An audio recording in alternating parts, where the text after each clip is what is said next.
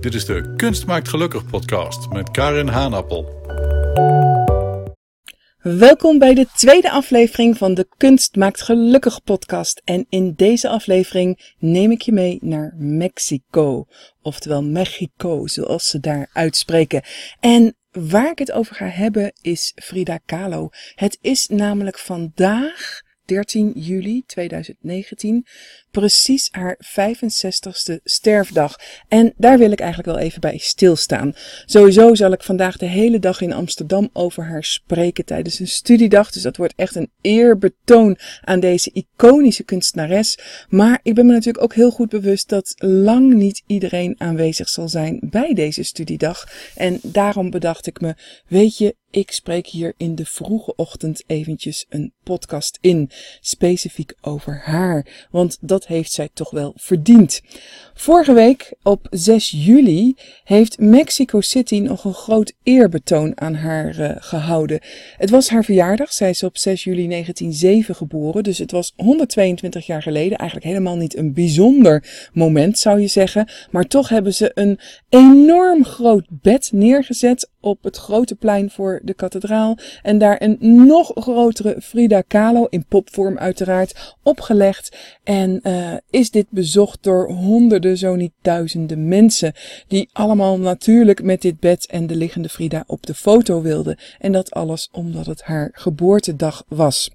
Nou is het sowieso wel intrigerend om te beseffen dat op het plein waar dit bed stond en waar dus ook nu die kathedraal staat, um, ja, eigenlijk sinds de Spaanse overheersing, zeker niet uh, dat hij er nog maar net staat, maar uh, op het moment dat de Spanjaarden zeg maar Mexico ingenomen hebben, hebben ze natuurlijk heel veel van de cultuur van de Azteken en de Maya's en alles wat hiervoor was, hebben ze eigenlijk weggehaald.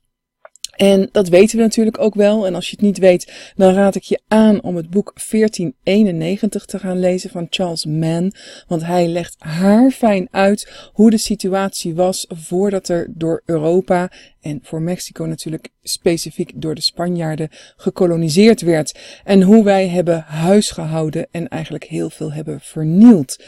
Nou is het zo dat in de tijd dat uh, Frida en Diego leefden, hè, Frida is dus in 1907 geboren, 1954 overleden, met name in de jaren 20 na de Mexicaanse revolutie, is men zich weer eigenlijk gaan richten op de prekoloniale tijd en zijn ook de eerste opgravingen gedaan. En Frida en Diego, terwijl ze dus uh, grotendeels in Mexico woonden, af en toe natuurlijk wel een uitstap maakten naar andere gebieden, hè, daar zal ik zo meteen ook nog wel even iets meer over vertellen, maar tijdens um, hun leven, zeg maar, is er heel veel van die prekoloniale uh, overblijfselen is weer teruggekomen. Omdat ze gewoon in de stad ook zijn gaan graven. Want het is bekend dat Mexico-stad gebouwd is op de ruïnes van de grootste Aztekenstad die hier heeft gestaan. En de een na de andere ruïne van uh, piramides kwam tevoorschijn. En dat heeft, uh, heeft ze ook wel doen beseffen dat um, Mexico eigenlijk een heel cultuurrijk verleden heeft, maar dat daar ook enorm een, laat ik maar zeggen, koloniale westerse saus overheen is gegooid.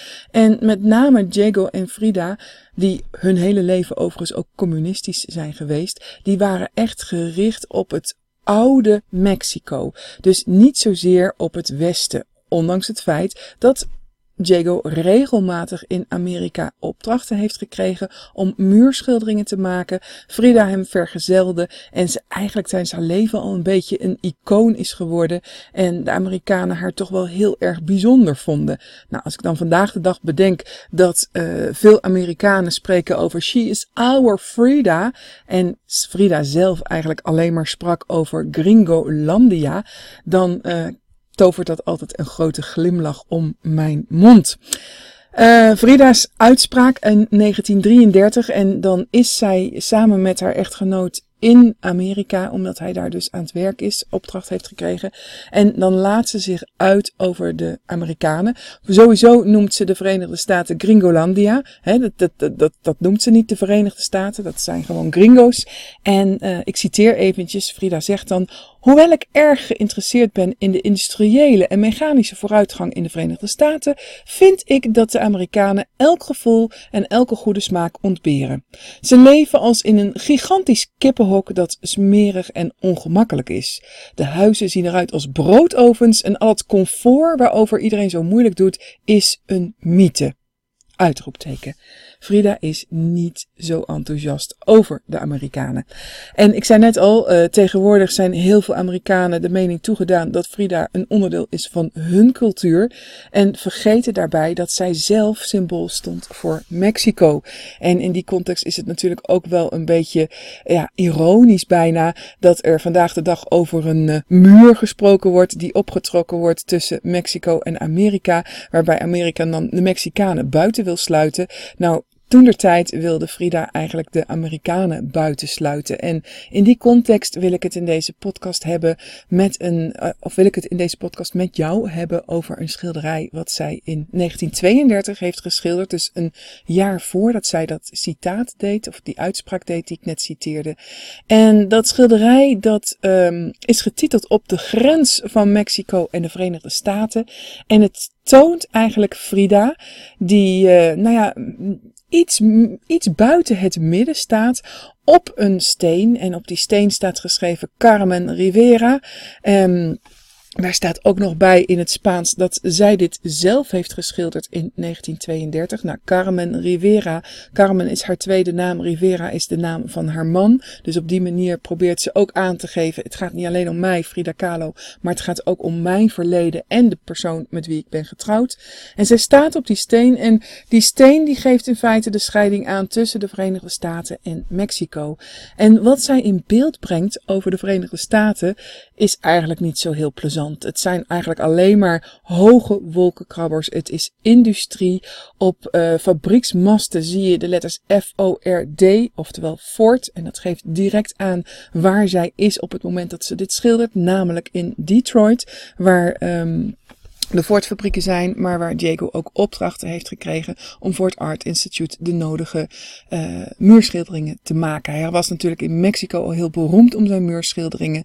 En Amerika is uh, zeker in de jaren 30 heel erg aan het kijken waar zijn kunstenaars die wij hierheen kunnen halen, of minstens hun kunstwerken hierheen kunnen halen, zodat we onze collectie en ons erfgoed daar ook mee kunnen verrijken.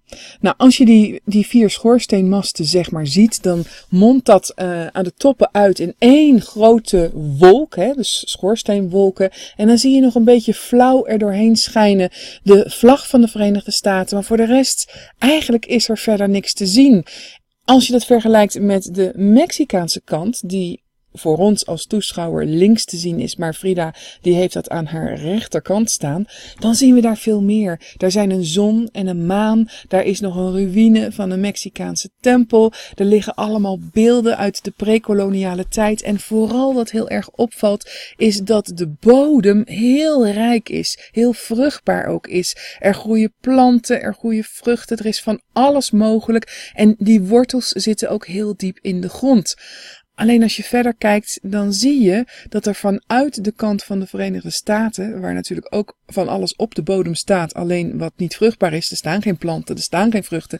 Het zijn eigenlijk alleen maar elektrische apparaten en die hebben snoeren in de grond. En die snoeren, die lopen ook een beetje naar de Mexicaanse kant toe en Frida waarschuwt eigenlijk voor de invloed van Amerika. En ze wil eigenlijk de Mexicanen ook een soort van, van voorboden houden van probeer niet te veel je te richten op dat westerse Amerikaanse gedrag, want het maakt onze hele cultuur kapot. Kijk wat wij nog over hebben, al zijn het ruïnes. We hebben nog wat. Kijk wat er in Amerika is, wat ze ook bewust op een lager niveau heeft geplaatst. Niet alleen omdat ze er ja, je zou bijna kunnen zeggen, op neerkijkt. Maar ook omdat in de Verenigde Staten het er nog erger aan toe is gegaan dan in uh, bijvoorbeeld Latijns-Amerika of in Mexico. Want daar zijn nog wel de nodige ruïnes terug te vinden. Maar in de Verenigde Staten hebben ze gewoon heel veel met de grond gelijk gemaakt en hebben ze het gewoon ja, van alles erboven opgebouwd. Maar hebben ze het ook gewoon echt afgebroken. Ik noemde net al dat boek van Charles Mann, 1491. Als je dat leest, dan kom je er ook gewoon achter dat bijvoorbeeld een stad als New Orleans, laat ik die maar even als voorbeeld nemen, dat die dus ook allemaal dat soort uh, uh, tempels, piramides had als die wij nu nog kennen van de Azteken en de Maya's in het uh, centrale en zuidelijk deel van het continent Amerika. Je verwacht dat misschien niet bij het noordelijk deel van Amerika, omdat we op een hele andere manier naar dat stuk kijken. Maar het was er wel degelijk. En dat is de invloed die dus de Westelingen hebben gehad om alles wat eigenlijk niet binnen hun ja, visie paste om dat gewoon weg te vegen. Inclusief natuurlijk de mensen die er woonden, want die moesten ook aanvankelijk maar gewoon opschuiven totdat ze uiteindelijk in reservaten zijn beland. Nou, we gaan daar natuurlijk niet al te diep op in momenteel, maar je kunt je wel voorstellen dat dit natuurlijk niet een heel humane situatie is. En dat het ook iets is waar we ons uh, best wel eens bij stil mogen staan, over mogen buigen, wat de invloed is van een bepaalde arrogantie ten opzichte van andere mensen en andere culturen. Frida laat het in ieder geval hier heel duidelijk uh, in haar schilderij zien. En uh, het, is, het is met name ook dit schilderij waar ik altijd zo ja, naar moet kijken als ik dan weer uitspraken hoor, ook in de Amerikaanse media, van Oh, we love Frida Kahlo, she loves us and she is ours, we see her as a sister. En Frida zag dat dus helemaal niet. Want buiten het feit dat zij op die steen staat en daarmee een soort tweedeling maakt tussen enerzijds dus de Verenigde Staten en anderzijds Mexico, kleedt ze zich ook heel duidelijk als een Mexicaanse, niet als een Amerikaanse. Daarbij komt ook nog dat ze de Mexicaanse vlag in haar hand heeft en dat ze eigenlijk gewoon heel erg de focus heeft, ook de wijze waarop ze haar gezicht is, uh, de wij waar ze naartoe kijkt. Ze kijkt natuurlijk naar ons, maar haar gezicht is schuin naar Mexico gericht. Dit hele schilderij spreekt gewoon uit dat Mexico voor haar haar thuisland is. En dat is iets wat ze ook wel in de loop van haar leven uh, zo is gaan zien. Want Frida is een, een kind wat eigenlijk vanuit twee culturen is uh, ontstaan, laat ik het maar zo zeggen. Haar vader was een Duitse, haar moeder was een Mexicaanse. En dat heeft heel lang bij haar gezorgd voor een situatie waarin ze niet goed wist waar ze nu bij moest horen. En aanvankelijk heeft ze heel duidelijk het idee gehad van ik moet me dus bij dat bij dat westerse stuk scharen. Ik moet me richten op de beschaving die het Westen ook naar dit continent heeft gebracht. Frida is ook gaan studeren. In haar achterhoofd had ze ook dat ze arts wilde worden. En dat heeft natuurlijk alles te maken met het feit dat ze op zesjarige leeftijd polio heeft gehad. En daar gelukkig wel is ja, hersteld van is, maar dat zij zich toen heeft ingeprent van wat ik heb moeten meemaken, die, die maanden dat ik ziek was en al die oefeningen die ik heb moeten doen en dat toch eigenlijk mijn been nooit meer helemaal goed gekomen is. Ik wil dat iedereen besparen, dus wat ik ga doen is ik ga alles op alles zetten om te zorgen dat ik arts word. En dan ga ik kijken of er een remedie is tegen deze vreselijke ziekte. Nou, Frida behoorde overigens in 1922 tot de 35 meisjes die mochten gaan studeren. Dat was dus voor het eerst in 1922 dat er vrouwen mochten studeren in Mexico aan de universiteit. Maar de universiteit was natuurlijk wel een typisch westers fenomeen. Dus hier zie je eigenlijk al dat ze zich in die periode veel meer op haar Duitse uh, kant richt dan op haar Mexicaanse kant. En als je foto's ziet uit die periode, dan zie je ook dat Frida heel westers gekleed is. Sterker nog, ze verandert haar naam ook, want in haar geboorteakte staat gewoon Frida F-R-I-D-A. En natuurlijk haar andere namen erbij. Maar ze gaat vanaf dat moment dat ze gaat studeren er een E bij doen. Zodat die Duitser is. En Frida met IE, ja, klinkt in dat opzicht ook veel uh, westerser. En ze heeft ook echt het idee in die periode dat ze studeert dat het belangrijk is dat ze zich helemaal omhult met die westerse beschaafde cultuur. Dat is een visie die ze uh, aangereikt heeft gekregen en die ze eigenlijk waar ze zich in omhuld heeft gevoeld. Maar Frida zal geen arts worden. Frida zal ook niet afstuderen. Sterker nog, wanneer zij nog op de Escuela Preparatoria is, dus je zou kunnen zeggen de, de school die haar voorbereidt op de universiteit, dan uh, krijgt ze een ernstig auto-ongeluk. Of nou, auto-ongeluk is het eigenlijk niet. Het is een ongeluk tussen een bus en een tram. Die maken met elkaar een frontale botsing. Frida is 17 jaar op het moment dat dat gebeurt. En ze is samen met een vriend van school is ze die bus ingestapt. Ze zijn op weg naar huis wanneer die botsing gebeurt. En ja, het is iets wat vaker gebeurt. En natuurlijk niet alleen in die tijd van Frida, het gebeurt ook vandaag de dag. Dus je zou kunnen zeggen, het is net het moment dat zij erbij betrokken is. Ja, en er zijn mensen overleden bij dit ongeluk. Er zijn ook mensen ongedeerd uitgekomen. En Frida is er niet ongedeerd uitgekomen. Sterker nog, dit ongeluk heeft haar leven totaal op zijn kop gezet. Het is zo dat er zo'n stalen buis van de tram, waar de bus mee in aanraking kwam, die is losgeschoten en die is bij Frida haar lijf binnengedrongen. Sterker nog, door haar poort des levens is die zo naar boven naar haar buik gegaan en is door haar buikwand naar buiten gegaan. Ja, als je, er, als je dat hoort, ik krijg altijd kippenvel als ik het uitspreek. Zo vreselijk lijkt me dit. Verder zijn uh, op verschillende plekken haar ruggenwervels gebroken. Haar voet, die natuurlijk van de polio al een beetje verzwakt was, die is ook verbrijzeld. Haar bekken zijn gebroken. En ja, de mensen die naar dit naar deze plek kwamen, die ongeluksplek, en die gingen kijken of ze uh, gewonden konden helpen. Die hebben haar eigenlijk aan de kant gelegd bij de doden en de mensen die op sterven na dood waren. Ze hadden eigenlijk niet het idee dat Frida hiervan zou herstellen.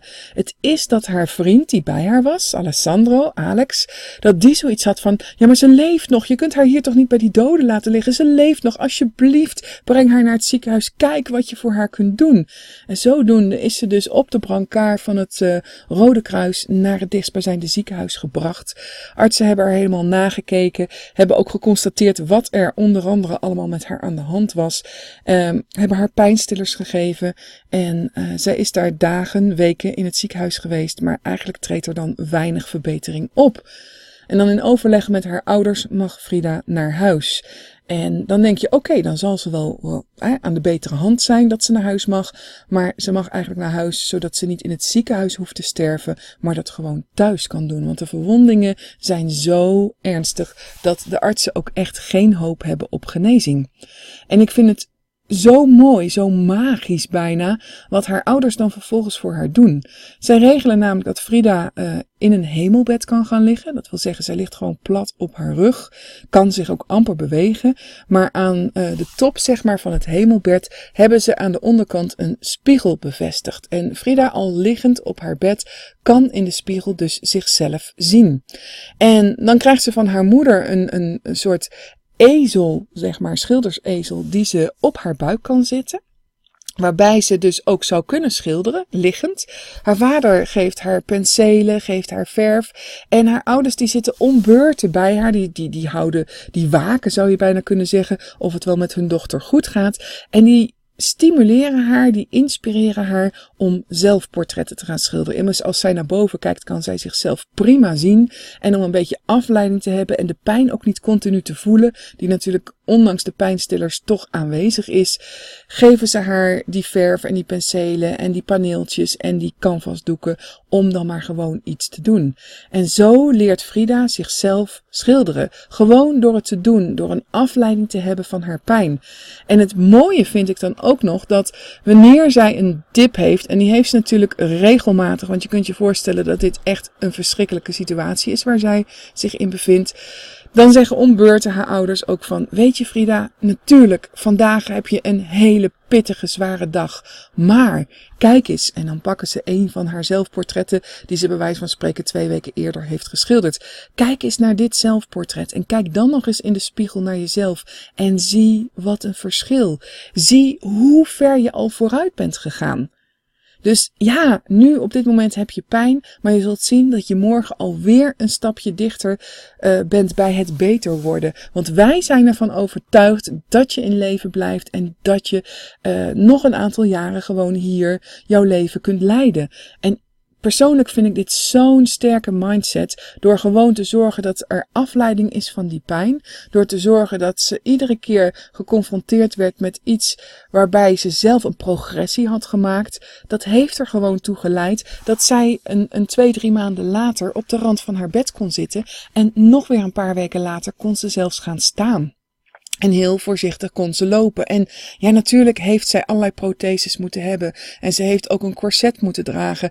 Maar ze heeft er wel 30 jaar bij gekregen. Ze is niet op 17-jarige leeftijd gestorven. Ze is op 47-jarige leeftijd gestorven. Weet je, en ik vind dat zo mooi dat je dat dus gewoon kunt doen door er maar in te geloven. En over geloven gesproken, Frida is is een heel sterk persoon uh, geweest. In mijn ogen zeker. En daarmee zelfs een voorbeeld voor velen. Want we zien het natuurlijk allemaal wel eens een keer niet zitten. En uh, meestal zeg ik dan als mensen in mijn omgeving zeggen: Oh, ik zie het niet meer zitten. Dan vertel ik het verhaal van Frida. En dan zeg ik: Kijk eens, zij heeft er wel voor gezorgd met haar mindset dat ze er 30 jaar bij heeft gekregen. Hoe gaaf is dat? Nou, en Frida met haar mindset gaat ook gewoon met haar echtgenoot uh, naar Amerika. En ze gaat zelfs ook naar Parijs. En ik kan nog een heel verhaal natuurlijk vertellen over de relatie met Diego. Dat doen we vandaag in deze podcast niet, want het is Frida's 65ste sterfdag. Dus ik gooi hem even alleen op haar. En ik zal in een andere podcast nog wel een keertje over het koppel spreken. Want het leuke is om ook te kunnen vertellen dat ze niet één keer, maar twee keer met elkaar getrouwd zijn. En ja, er wordt van alles gespeculeerd over deze twee. Maar als je de brieven leest, zowel van Diego als van Frida, dan kun je alleen maar constateren dat je hier met twee zielsverwanten te maken hebt. Twee mensen die op zo'n enorme manier met elkaar verbonden zijn dat ze soms geen eens woorden nodig hebben. En het jammere is, vind ik toch wel, dat uh, dit heel lang onderschat is geweest. Het heeft natuurlijk ook zo zijn redenen, want toen Frida uh, 65 jaar geleden overleed, Diego was natuurlijk intens bedroefd dat zijn vrouw overleed. En hij heeft toen gezegd: Ik wil dat haar persoonlijke bezittingen 50 jaar achter slot en grendel in de badkamer van de Casa Azul opgesloten worden. En dat is ook gebeurd. 50 jaar zijn uh, haar spullen niet zichtbaar geweest. En uh, op het moment dat de deur dus open mag na 50 jaar, dan zie je dat er zoveel wordt gevonden dat een heel ander beeld geeft van Frida. Want wat was er gebeurd? Omdat men niet meer alles wist van Frida, zijn er verhalen ontstaan. Je zou kunnen zeggen, is er storyforming gekomen. En die storyvorming wordt natuurlijk weer gekleurd door de tijd waarin het ontstaat. En je kunt je vast wel voorstellen dat uh, ten tijde van de tweede feministische golfbeweging, wanneer het uh, bij sommige vrouwen heel erg anti-man is, dat er verhalen komen waarbij Jago de slechterik is en Jago haar ondermijnt en Jago haar niet wil laten schilderen. Nou, zo kan ik nog wel even doorgaan. Het klopt allemaal niet. Jago was juist degene die haar altijd in alles wilde helpen, die haar zo hoog had zitten en uh, die haar ook gestimuleerd heeft om te schilderen. Dus heel veel van de uitspraken die gedaan zijn voordat bekend was wat er allemaal in die badkamer opgesloten was, die zijn zo'n eigen leven gaan leiden dat het vandaag de dag soms nog wel heel lastig is om tegengas te geven tegen die uitspraken. Ook al hebben we bewijzen dat ze niet kloppen, ze zijn zo vastgeroest omdat ze maar herhaald bevestigd en bestendigd zijn geraakt dat mensen er echt stellig in zijn gaan vertrouwen. Zo ook de film die in 2002 is uitgebracht met in de hoofdrol Salma Hayek. Dat is een film die gemaakt is voordat die deuren van de badkamer open gingen. Dus die hebben ook echt niet de, de complete informatie over Frida, over Diego en over hun leven samen gehad. Nou, ik beloof dat ik daar nog wel een keertje een podcast over zal maken. Maar vandaag wil ik het dus hebben over Frida en specifiek hier over dit toch wel zeer intrigerende schilderij op de grens van Mexico en de Verenigde Staten. Wat we ook echt als een soort van icoon voor ons mogen zien. En misschien zelfs wel als een soort van boodschap ook nog vandaag de dag naar ons mogen halen. Want lang niet alles wat de Verenigde Staten naar buiten brengt is even gezond voor ons als mensen. Nog even over het schilderij, want ik wil nog even iets vertellen over het, uh, het Mexicaanse stuk wat je hier ziet. Uh, die zon en die maan, als die energieën elkaar raken, laat Frida zien, is er een soort van bliksemschicht te zien. En die komt precies op de ruïne van een tempel. En natuurlijk zijn er uh, mensen geweest die hebben geprobeerd te achterhalen welke tempel dit is. Maar dat is eigenlijk niet gelukt. Want er zijn geen ruïnes bekend. Zeker niet in de tijd dat Frida dit geschilderd moet hebben. Er zijn vandaag de dag wel meer ruïnes bekend natuurlijk dan in 1932. Maar de ruïnes die toen bekend waren, die tonen dit eigenlijk niet aan. En dat maakt het nog bijzonderder. Want heeft zij een vooruitziende blik? Of waar heeft zij haar informatie vandaan? Het meeste lijkt de tempel nog op een Malininko-tempel. En dat zijn bepaalde type tempels in het midden van Mexico. Wat je verder ziet, als je iets meer hè, naar de voorgrond kijkt en uh, voorbij al die vruchten en die bloemen die zich zichtbaar zijn, dan zie je daar uh, beelden uh, liggen en staan van de prekoloniale tijd. En heel lang hebben mensen ook gedacht, waar komen die vandaan? Heeft ze die soms in een of andere collectie gezien? Ja, dat heeft ze. En nog wel in hun eigen collectie. Want Jago had, voordat hij met Frida getrouwd was, heeft hij al een enorme collectie beelden verzameld uit de prekoloniale tijd. En in de jaren 40 is er een tentoonstelling geweest met zijn collectie. En in de catalogus van deze tentoonstelling heb ik de foto's aangetroffen van precies de twee beelden die je hier ziet staan. Dus het waren beelden die ze gewoon kenden, want die waren in hun bezit. Dus zo zie je, Frida haalt overal haar inspiratie vandaan, maar heeft in haar schilderijen meestal toch ook wel een boodschap te vertellen. En dit schilderij oogt misschien niet direct heel surrealistisch. Andere schilderijen van haar iets meer. Maar Frida heeft wel altijd gezegd, en dat wil ik nog even benadrukken, dat zij geen surrealist is. En dat etiket heeft ze wel gekregen. Dat heeft ze gekregen door de woordvoerder van het surrealisme, meneer André Breton, die ook naar Mexico is gekomen, haar schilderijen zag en echt zoiets had van wow, wat heb je voor iets geweldigs gemaakt. Jij bent echt een ware surrealist. En Frida heeft toen al gezegd nee, nee en nog eens nee. Ik ben geen surrealist, want ik schilder mijn wereld. Het zijn geen dromen, het zijn geen nachtmerries, het is mijn eigen realiteit. Dus ik wil dat je dat heel goed onthoudt, meneer Breton. Maar goed, meneer Breton deed, zoals we van hem wel gewend zijn, precies zijn eigen zin en heeft haar dus altijd als surrealist uh, te boek gezet. En dat betekent dat er de nodige kunsthistorici zijn die de woorden van Breton gewoon overnemen zonder er verder onderzoek naar te doen. Maar jij die nu deze podcast luistert, die weet heel goed dat Frida geen surrealist genoemd wilde worden.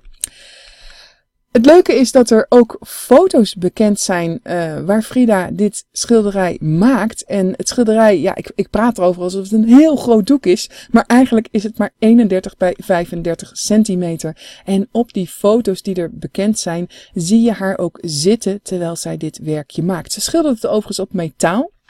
En dat zijn metalen plaatjes die ze ook uit de industriestad Detroit heeft aangereikt gekregen.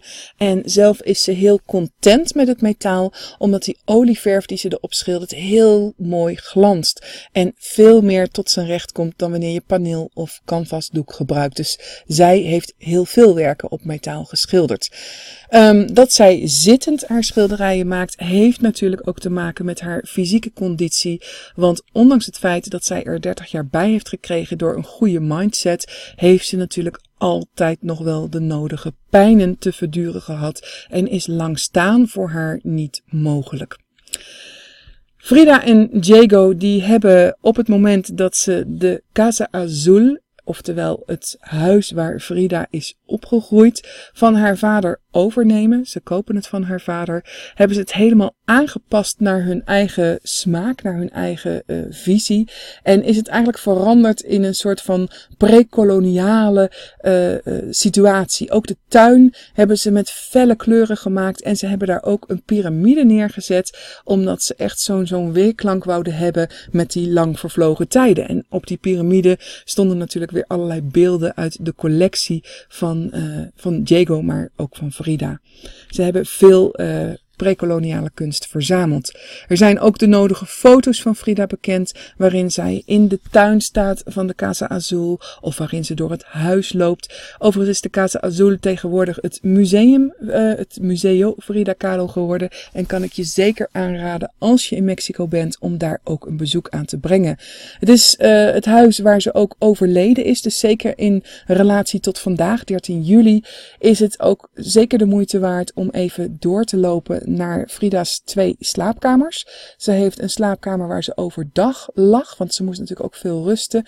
En daar zie je dat hemelbed ook staan met die spiegel. En ze heeft een slaapkamer waar ze s'nachts uh, lag. En daar zie je ook, uh, staat onder andere een urn met het stoffelijke resten van Frida. En er ligt een, op haar bed ligt een doodsmasker van Frida. Maar voor de rest, ja, er is natuurlijk, de hele sfeer is nog steeds aanwezig. En de badkamer is niet meer op slot. Dat is natuurlijk ook leuk om te weten. En misschien ben jij wel vorig jaar in het Victorian Albert Museum in Londen geweest. Want van juni tot november 2020 2018 werden daar eigenlijk heel veel uh, elementen getoond uit die persoonlijke collectie van Frida. Ik vond het een waanzinnig gave tentoonstelling. Ben er een paar keer geweest. Heb daar ook nog een driedaags congres bij gewoond. Waar uh, specialisten van over de hele wereld kwamen om te spreken en te discussiëren over Frida Kahlo. En daar zijn natuurlijk ook weer heel veel interessante elementen naar voren gekomen. Te veel om nu ook in een podcast allemaal te vertellen. Dus wat dat betreft, uh, ik ga zo meteen deze podcast beëindigen mij begeven richting Amsterdam, zodat ik daar nog een hele dag mag praten over deze geniale vrouw. En uh, ik wil eindigen met de uitspraak die uh, ook op het congres in Londen werd gezegd aan het eind. En die geef ik je gewoon mee om over na te denken. En die uitspraak is, it was Frida, sorry, it was Kahlo who created Frida. Ik zei hem nog bijna verkeerd ook. It was Kahlo who created Frida. Je kunt hem misschien ook wel andersom zeggen. It was Frida who created Kahlo. Maar ik denk dat die mooier is als je begint met haar achternaam en eindigt met haar voornaam. Goed, lieve mensen. Uh, ik hoop dat je weer heel veel leuke nieuwe informatie in deze tweede podcast te, eh, te horen bent gekomen. Uh, wil je meer over Frida zien? Ga dan naar de website www.fridakalo.nl. Daar heb ik in ieder geval een biografie over haar staan. Ook nog een een en ander aan foto's. En daar komt ter tijd nog meer informatie uh, over Frida Kahlo te staan. Voor nu is deze tweede podcast aan het eind gekomen. En ga ik dus naar Amsterdam om nog een hele dag over haar te spreken. En ik zie, hoor je snel weer bij de volgende podcast. Bedankt voor het luisteren. Kunst maakt wel degelijk gelukkig. Tot de volgende keer.